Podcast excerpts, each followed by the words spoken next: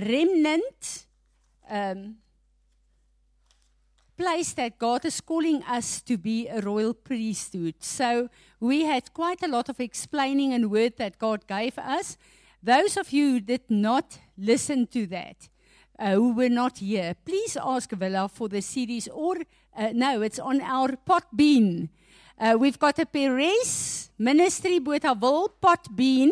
So please just download the app and go on the pat, and listen to that. I don't want to go ba- uh, back and to explain any, everything, but it's very, very important. Who of you did not sign these forms of the priesthood? Villa, will you please just give, thank you, uh, Ruben. I want you to go and read this and to fill it in and then bring it back next week that I can really just anoint you and that I can pray for you.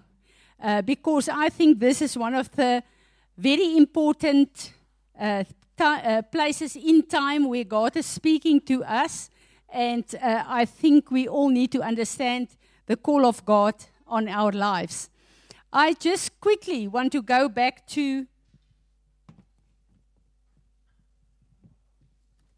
the revelation that God gave us last week, just to give you an understanding of what God is doing in this priesthood. We all know that we started with uh, the scripture in Peter, uh, where God said, You will be a royal priesthood. And we are starting to ask God, What is the meaning of this? Because this is the time where God is raising us and allowing us to be His priesthood on earth. We all know that Jesus Christ is in the order of Melchizedek, sitting on the right hand of Father God. We are in him, but we are on earth. So in this time, we will be the priesthood for God on earth that he can use to build his kingdom on earth. And we are step by step starting to see the revelation God is giving us. What will the meaning be? How will I act it out and walk it out in my everyday life?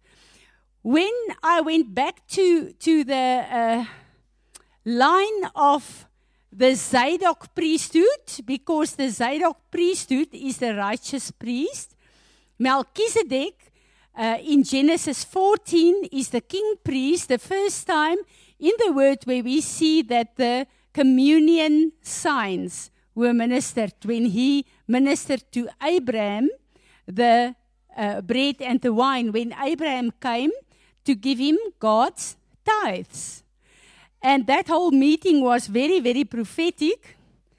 And when I went uh, back into the line of the priesthood, I was very, very surprised. So I quickly just want to go through that again and then I'll continue.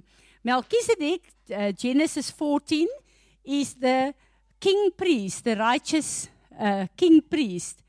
Then from Melchizedek, we go to Abraham, where Abraham and Melchizedek met God there.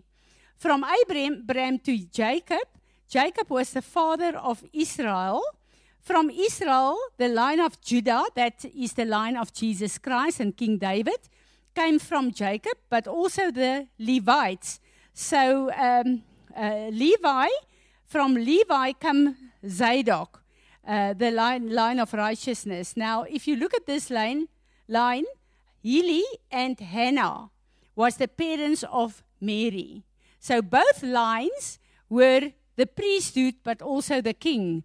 So Mary, the mother of Jesus, came from that line, and we know from the the um, uh, uh, what we learn about the priesthood is that the priesthood, you can only be a priest when you come from the line of the priest. You cannot, uh, someone cannot come to Johan and say, listen, I think you will do, uh, be a good priest. You need to come from the tribe of Levi. And how God planned this absolutely in his love for us. So when we uh, look at Judah, we know that whole story of Judah, where his sons um, had to, to uh, waste their seed on the ground. So they didn't have children. And I always wondered, shoot, this is a harsh place to be. But God did not allow that those sons to have a line because that um, uh, they married Canaan women, and that would have defiled the line of Jesus Christ. But Tamar, who came in uh, to uh, give birth to the rest of the line of Jesus, uh, she was the granddaughter of Melchizedek. And that was to me just such a wow. God knows exactly what is going on uh, uh, earth. Then Zechariah, the father of uh, John the Baptist, before Zechariah, 160 years back, was a real priest in, in line. After that, for 160 years, there were no priesthood. And uh, we all know that Caiaphas was a corrupt priesthood. Uh, so that, the, that the Romans and Greeks has put in place for the, to work with them. And God came and he said to Zechariah, You will have a son. Zechariah was not, uh, these uh, uh, bred priests never said what their line was because the Greeks and the Romans killed them. So Zechariah was in this line. And 160 years prior to him, there was a, the last high priest through the line. And then it stopped. God said to him, this, Your son's name should be John. The last priest, priest 116 years back, his name was John. So God came and he just wanted to continue the line. But that really, really blessed me when I realized John, Jesus, the order of Melchizedek to all eternity. But the line, the DNA, did not stop there. Through our birth, our born again experience, we became the line of Jesus, and we are the high priests today on earth. And we are asking God, what is the meaning of this? So, this to me was such a revelation, but also such a place of God. It's so awesome to know that you are in control. That is to, to me just absolutely wonderful. Um, yeah, let me just quickly. Um, go back to.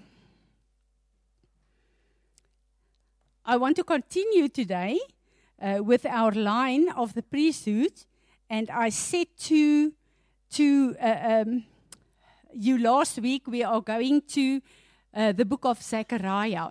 Before I go to the book of Zechariah, I want to touch on something that Apostle Natasha ministered this week that really, really spoke to my heart, and we are going to, to uh, uh, uh, do a declaration today in this place. When we look at the Word of God and when we look at our place as priests of the Most High God, what is the main uh, um, job that we are supposed to do on earth? Jesus said to us through Jeremiah we had the whole thing of what is the meaning of this year. It's about our mouth. We will make declaration. All the, the prophetic words, God is going to allow us to make declarations for Him on earth. And uh, we had a lot of, of things that happened that blessed us up to now. But if we look at uh, Jeremiah 19, verse 15, it says that God says that if you obey me, I will make your mouthpiece my mouth. Your mouth, my mouthpiece. So God is looking for us to act out in this priesthood what He has called us to do. Now look at uh, let's look at Ephesians 3 verse 9 and 10.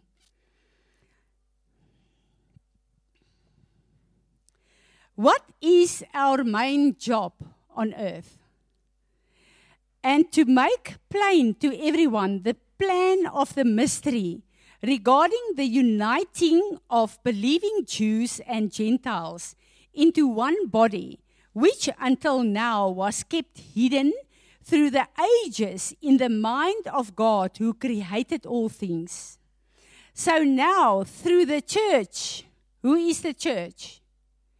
Me and you. The multifaceted wisdom of God in all its countless aspects might be made known, revealing the mystery to the angelic rulers and authorities and principalities in heavenly places. So, what is our job on earth? We think about ministry and we think just our human sphere. We are here to declare the word of God, to bring the revelation, to teach, to train, and it's good. When we go and we evangelize, we are bringing the word of God, the gospel of salvation, to a person or a group, ministering to them that they can understand it and accept it to be born again and be part of the kingdom of God. But what is actually happening in the spirit? When you evangelize, when I come to Johan and he's not born again, and I start sharing the gospel of Jesus Christ with him, I'm speaking to Johan, but I'm also speaking to the principalities and powers, keeping him in bondage. So I'm bringing the word of God because this man needs to be loosened from who owns him. The one you serve is the one who owns you. So as I bring the word of God to Johan and I share the gospel, for him to make a decision there, the minute that he decides he's going to step over and take the salvation of Jesus, the hold of the principalities and the powers break over him. So, what did I do through that? I came and I presented the Word of God, the truth against all lies that he believes, He's got a choice if he's going to take it or not. But the principalities and the powers, the minute that he reacts in the right way, Philippians 2, verse 9 and 10 comes to work. Every knee will bow and every tongue will confess that what Jesus Christ completed on Calvary is a truth. So when we as Christians come together, it is so important to share the testimonies of our everyday life. Why? The book of, of uh, uh, uh, Revelation tells us that through the blood of the Lamb and the word of your testimony, people comes free over to the kingdom of God. Because when I have a testimony and I share it with you, God came through for us in this and this and this way. I come and I declare, I preach to principalities and powers to tell them this in my life is proof that what Jesus did on Calvary to conquer you is a reality and the fact that I'm, I'm a testimony of that. The minute I share the testimony, they had to bow their knees and they had to confess that Jesus Christ and what he did is a victory and a reality. So the power of our testimony is a preaching to the principalities and the powers to tell them that the, what happened at, on Calvary is a reality. And your future is too the lake of fire. That's a reality. My life has proved it. This is why the word says in Colossians 1, verse 24 there is a cup of suffering that each and every one of us will drink on earth. This is a reality. We can pray in certain situations, but if that is the cup, that is the place where Jesus says, where uh, Peter writes and says, from time to time, we as children of God will come to the fire. Why?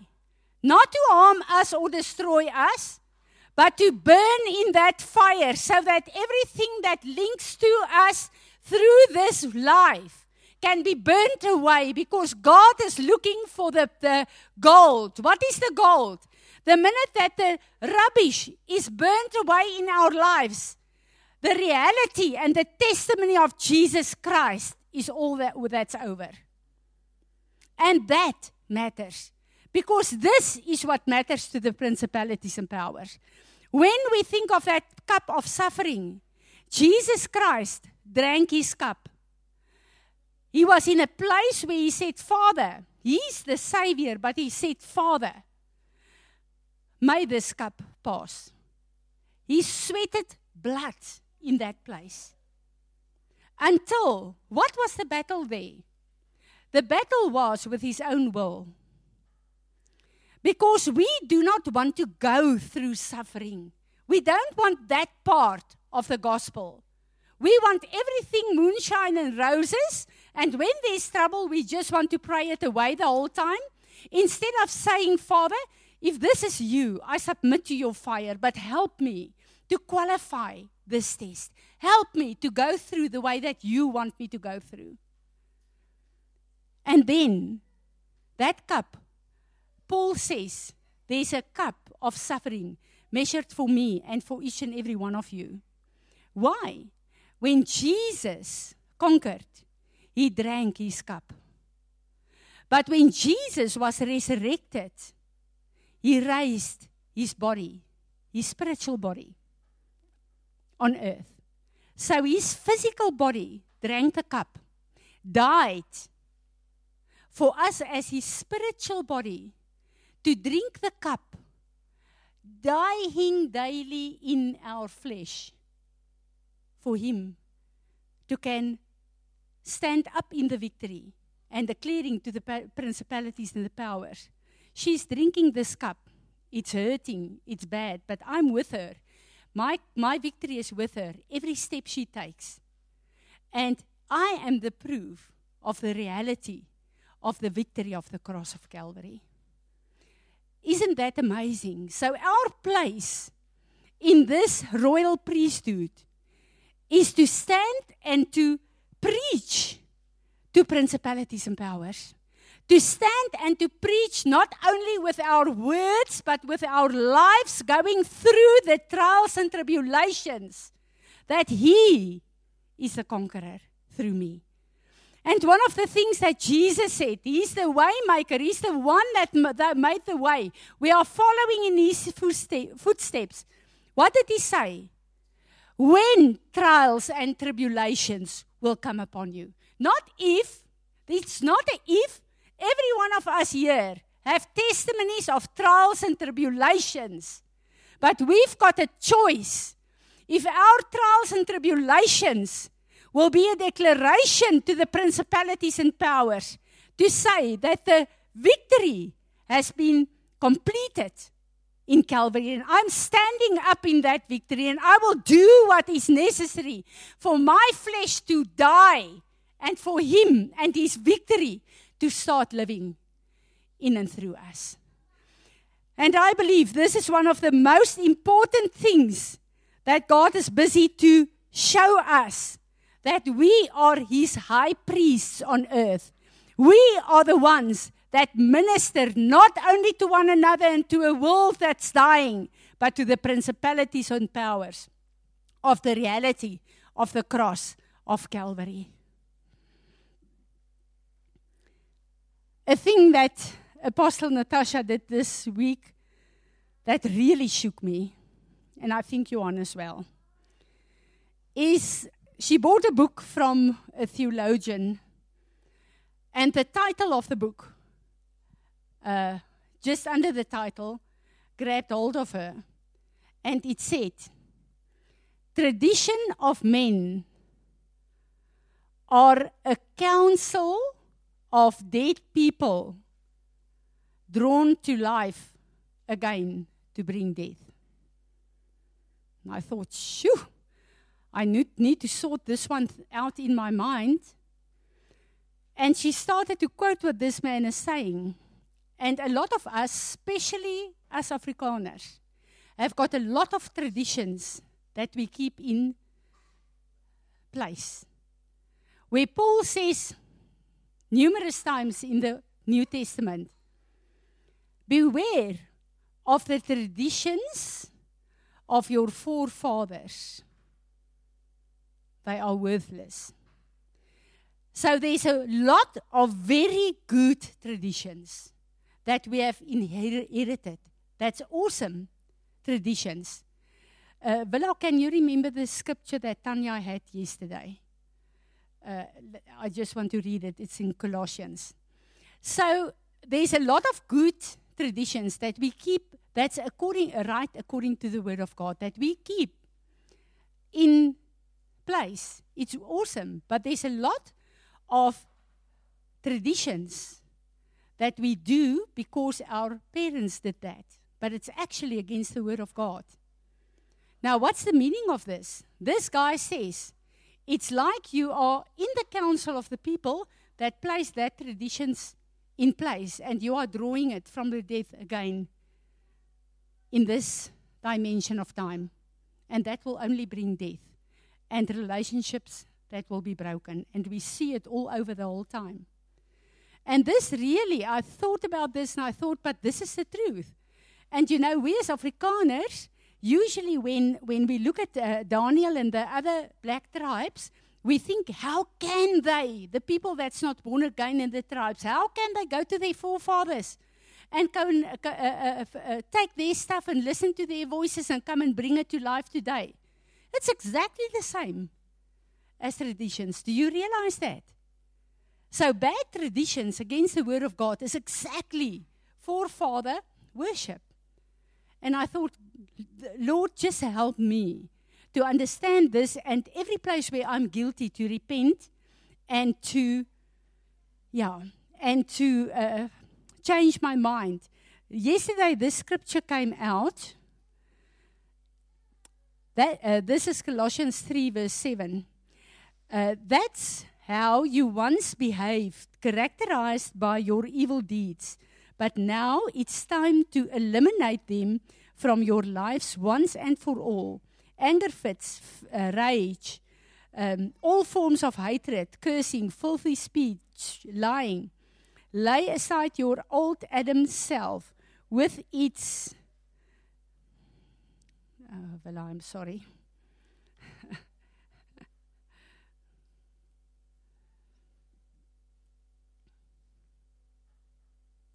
The whole scripture is about leave the things that you inherited. And what came out there is a very clear word about racism. For you have acquired uh, you have acquired new creation life, which is continually being renewed into the likeness of the one who created you, giving you the full revelation of God in this new creation life your nationality makes no difference, nor uh, or your uh, ethnicity, education, or economic status. They matter nothing, for it is Christ that means everything as He lives in every one of us.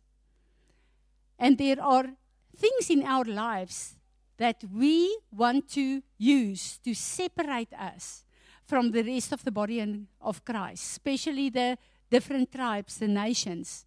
And we think that we are superior. No, it's not. There's a unity in Christ that He died for. On Calvary, we all became one. And we need to leave this.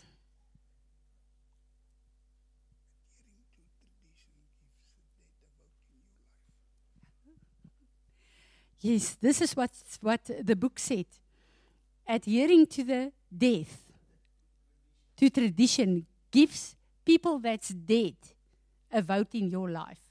So you get a voice speaking in this life on behalf of the people that's dead.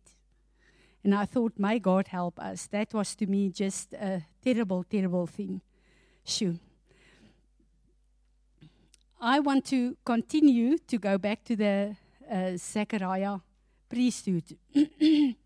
now, uh, most of you who were, sorry, let me just enter into it. Yeah. Most of you who were here while Tim preached uh, in September last year will remember he was very amazed because God ministered with him, uh, with, through him around the earth with uh, angels that accompany him, and then he will usually release what God wants to do. And we all have such a lot of fruit of the ministry he did in the past.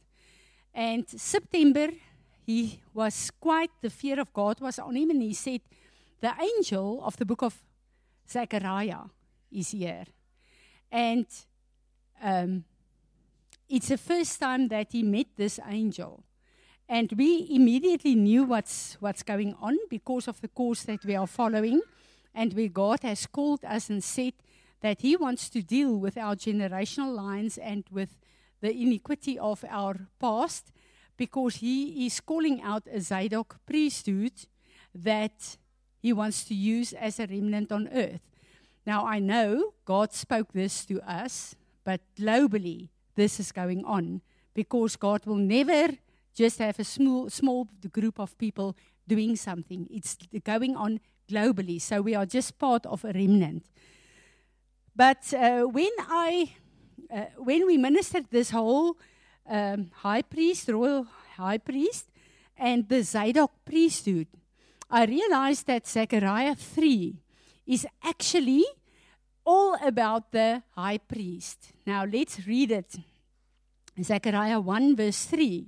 Then the guiding angel showed me Joshua, the high priest, standing before the angel of the Lord, and Satan standing at Joshua's right hand to be his adversary, to accuse him. Zechariah.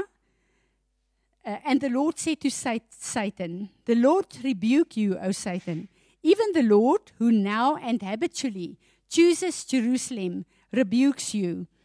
Is it this uh, is not this returned captive Joshua a brand plucked out of the fire? Zechariah 3 verse 3. Now Joshua was clothed with filthy garments and was standing before the angel of the Lord. And he spoke to the, those who stood before him, saying, Take away the filthy garments of him. And he said to Joshua, Behold, I have caused your iniquity to pass from you I will clothe you with rich apparel. And I said, that's Zechariah speaking, let them put a clean turban on his head. So they put a clean turban on his head and clothed him with rich garments.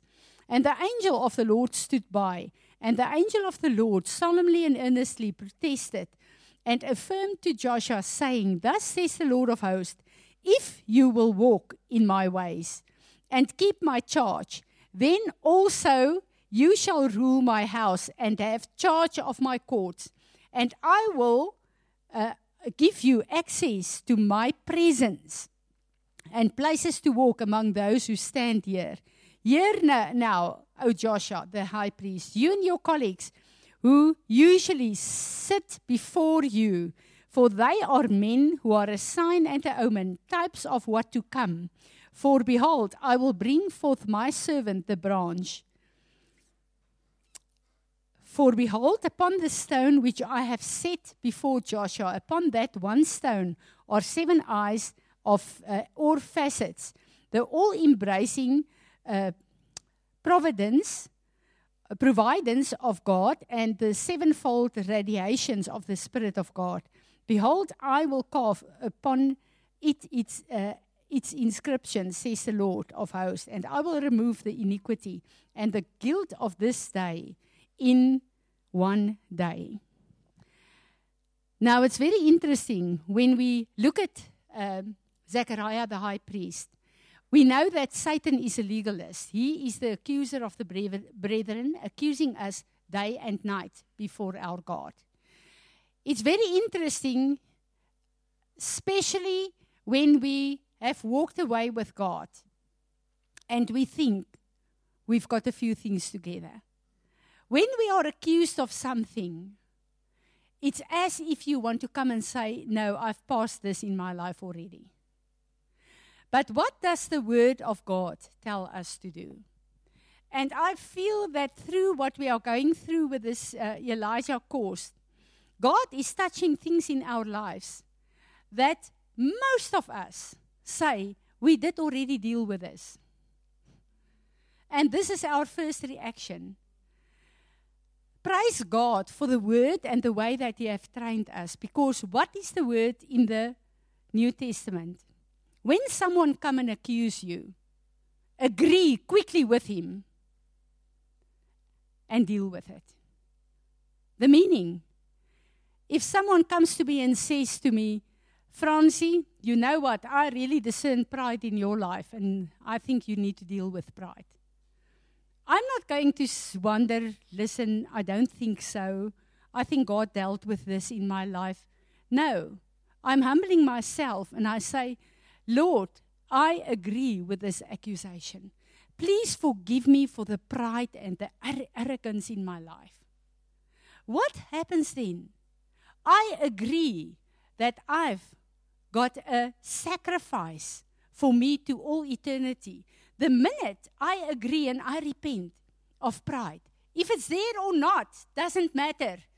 I make sure that the blood of Jesus comes to the front and speaks to me again and cleanse me from the sin and the accusations. So, Joshua, the high priest, if you think high priest and the way they had to go through all the rituals in the Old Testament, this is the man that made sure his life is in such order. Because if not, if he goes into the Holy of Holies, he's dead. And the whole year passed for the whole uh, uh, uh, tribe of Israel.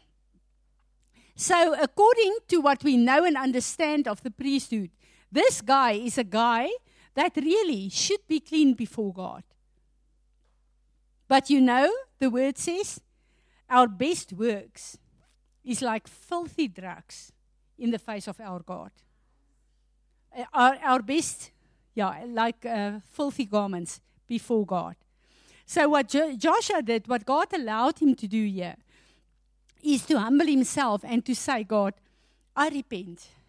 I repent. All the accusations Satan is coming to accuse me with, I repent of that. So he did not stand in his own righteousness, he repented.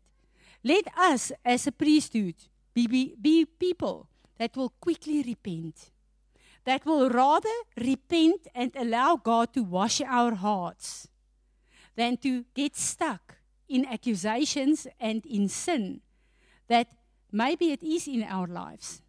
Let us allow the Holy Spirit of God to be our judge and to judge our hearts our minds. The filthy garments. You know, the garments represent the person that is your authority. That's your garments. When we are born again, we get a garment, a linen garment, a garment of righteousness. The fact that the high priest's garments were soiled means that he was clothed with garments that was not suitable for his place as a high priest. I looked in the Hebrew and I saw that this garment, one of the key words of a garment is a mantle.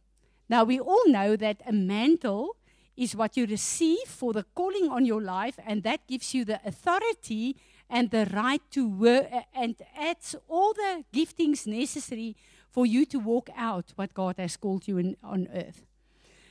So after he repented, his garments were removed, not cleaned, removed, and he received new garments. The turban, we all know our mindsets, our traditions of our forefathers, things that we that's just part of us. Um, Yesterday we discussed the whole uh, uh, DNA, how our DNA need to be cleaned. There are certain things that has been bred in, into us. We are, we, it's just part of who we are. And it's only God, through our repentance, that can do the miracle to remove that from our lives. After this high priest has dealt with his sin and He was ministered to by God. The angels removed the clothes, gave him new clothes, put a new turban on his head that also speaks of, of the government of God. God says, If you now will walk in my ways, why did the high priest get to this state? Because he walked ways that was not appropriate for a priest to walk. Now God says, I have set you right again. If you now walk in my ways and obey my word, I will give you access to my courts. What's the meaning of that? The meaning is that you have now authority in the position that you are standing and that I granted you to deal with the accusations of Satan, the legalist, in the courts of heaven, to get the judgment of God on the enemy and to get your deliverance in every way necessary in your life. And this is what God wants for us because if we get to that place, God can use us in the lives of many. Once you receive something, God can use you to do for Him what He wants in this time and in the building of His kingdom. I asked Wilhelm who did who have to do the communion this morning, so I asked them to please um, just move along the line. So sorry, who was the communion guy this morning? Excuse Wilhelm. Uh, next time, whenever Marina's put you on. But I want us today to take this communion, and I want to ask you to just come and give it around, but keep your bread and keep your wine, your grape juice. We are going together today preach to the principalities and the powers that we understand the meaning of this communion, this wonderful sign that God gave us. And I prayed. You. I pray today that as we do this, that we are standing in the gap for us, for our families, for our communities, for South Africa, and for the body of Christ on earth.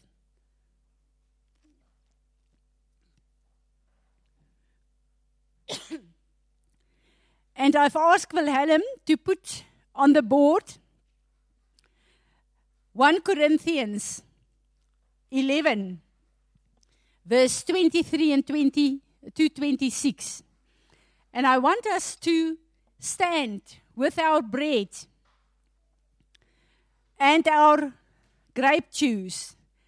And we are going to declare to the principalities and the powers that we know exactly what we are doing. And with this, we step back actually more than 2,000 years ago. The biggest trading floor in all eternity. And we are standing there and say, because my Savior died for me, He has given me these tokens. And whenever I take these tokens, I am prophesying to principalities and powers that He completed the victory. But more than that, that He can use me and my life and my voice to prophesy what is about to happen and the end of this whole dispensation on earth as we know it now. So I want to ask you to stand.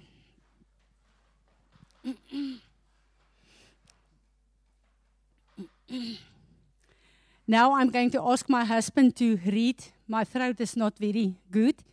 As he start to read, we are going to read uh, Marinus. Dis die skrif 1 Korintiërs. Okay, sorry. I thought it was a song. Daar say. Good. We are going to read this word for word and as we as we read this we are going to prophesy.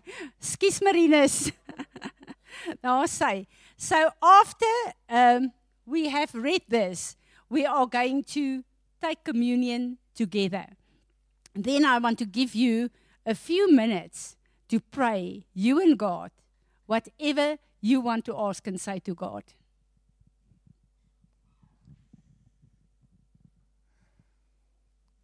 For I received from the Lord what also passed on to you.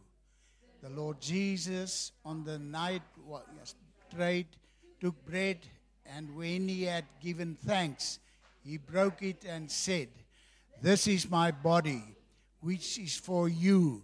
Do this in remembrance of me. In the same way, after supper, he took the cup, saying, This is the cup, my blood. Do this whenever you drink it in remembrance of me.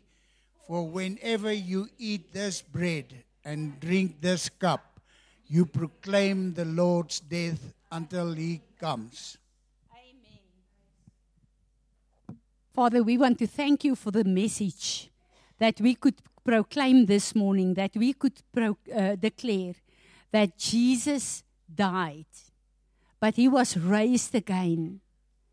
That this cup and this bread represents his body that we have the privilege to take it, to break it, to eat it, to drink it, and to declare to all the principalities and powers that the cross and Calvary is a completed, completed sacrifice to all eternity, a victory to all eternity. And we want to come and we want to say, Lord Jesus, we bring the honor, the praise, the worship of our hearts to you this morning. We want to say that you are more than a conqueror. You, we want to say, Lord, that you are the King of kings, the Lord of lords, and we choose to make you the Lord and the Master of our lives. And we all say, Amen. Amen. Be seated. Anyone with a word or a vision? As you were preaching, the, the Lord just showed me this um, this whole day in, in, in terms of, of, of pictures. So the Zachariah angel came in and stood in front here.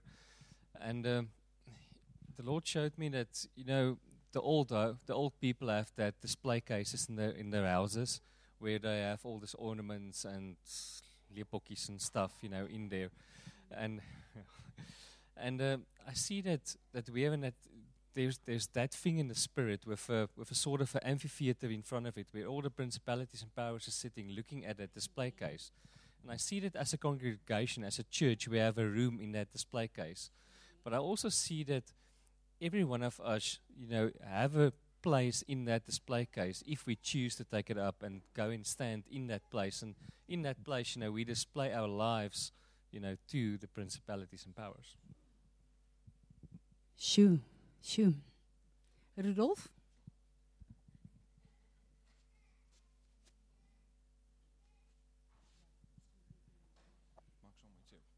Um, yeah, to me, um, my wife and I had a discussion the other day about uh, miracles, and we seem to always look for a miracle that we missed a miracle that already happened. Um, our daughter needs to go for an operation this week, and um, for a time, we believed that God will heal her and it won't be necessary for the operation. But as time passed, I told Annelie the other day that to me, the miracle already happened when she was still in the womb. Um, God, uh, to me, you know, it could have been much worse, and then it would have been just not just one operation, but a few. I think it's three or five operations that you need to to fix that. So to me, the miracle already happened. So this is just a small thing that we just need to do. So, um, you know, when we took communion now, uh, it's like God uh, reminded me of uh, His death on the cross was enough. There's nothing more we need to do. It's finished and it was enough. Um, if there's certain principalities in your life, and we always want to go and look for big stuff, but you know, like we heard about the communion now, it's enough. There's nothing, you, you don't need anything else. Uh, Jesus dying on the cross was complete, it's enough for us. Annelie, bring on. We are going to pray for Lianai. She's um, going to have her operation on Monday. Is it tomorrow? Monday. tomorrow. Wonderful. Let's stretch out our hands to her.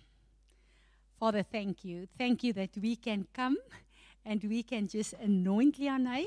Thank you, Lord, that we know that uh, Lianai, the thank you, Lord, that we know that the miracle already happened in Annelie's womb.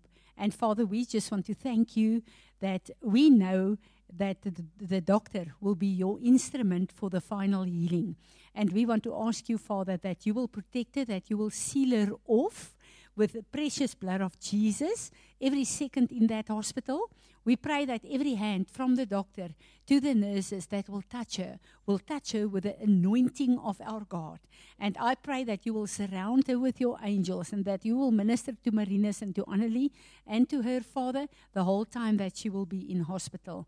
And we want to thank you, Father, for the miracle of uh, restoration uh, through the hands of this doctor in Jesus' name. And we all say, Amen. So please pray for Lene tomorrow and for Annelie and for uh, Marinus.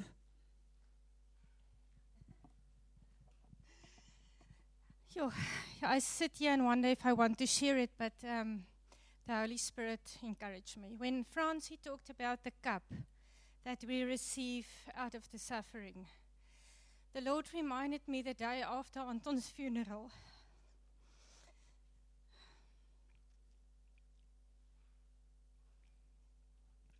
I did not understand everything, but I said, Lord, if this is the cup you want me to drink, I will take it. And I want to encourage you the grace that comes with it. When I accepted that is my testimony. Because the way I can stand and go through every day, I, I don't know where the power is. I know where the power is coming from. But it's my life that's a testimony to the people around me. So I want to encourage you. If you go through trials and tribulations, embrace the cup because then you release the grace. Because God is still in control. We don't have to understand it always. Amen. Anyone else? Let's stand.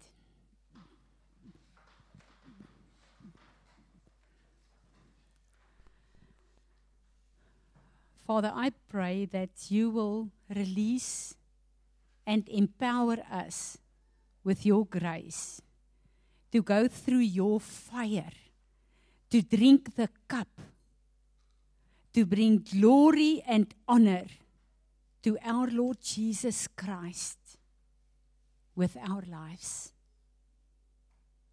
We pray that you will receive the reward of your suffering through our lives. And we want to make a declaration and say, Lord, we love you. We love you. We love you. Amen. Marinus, may we end with um, our Father.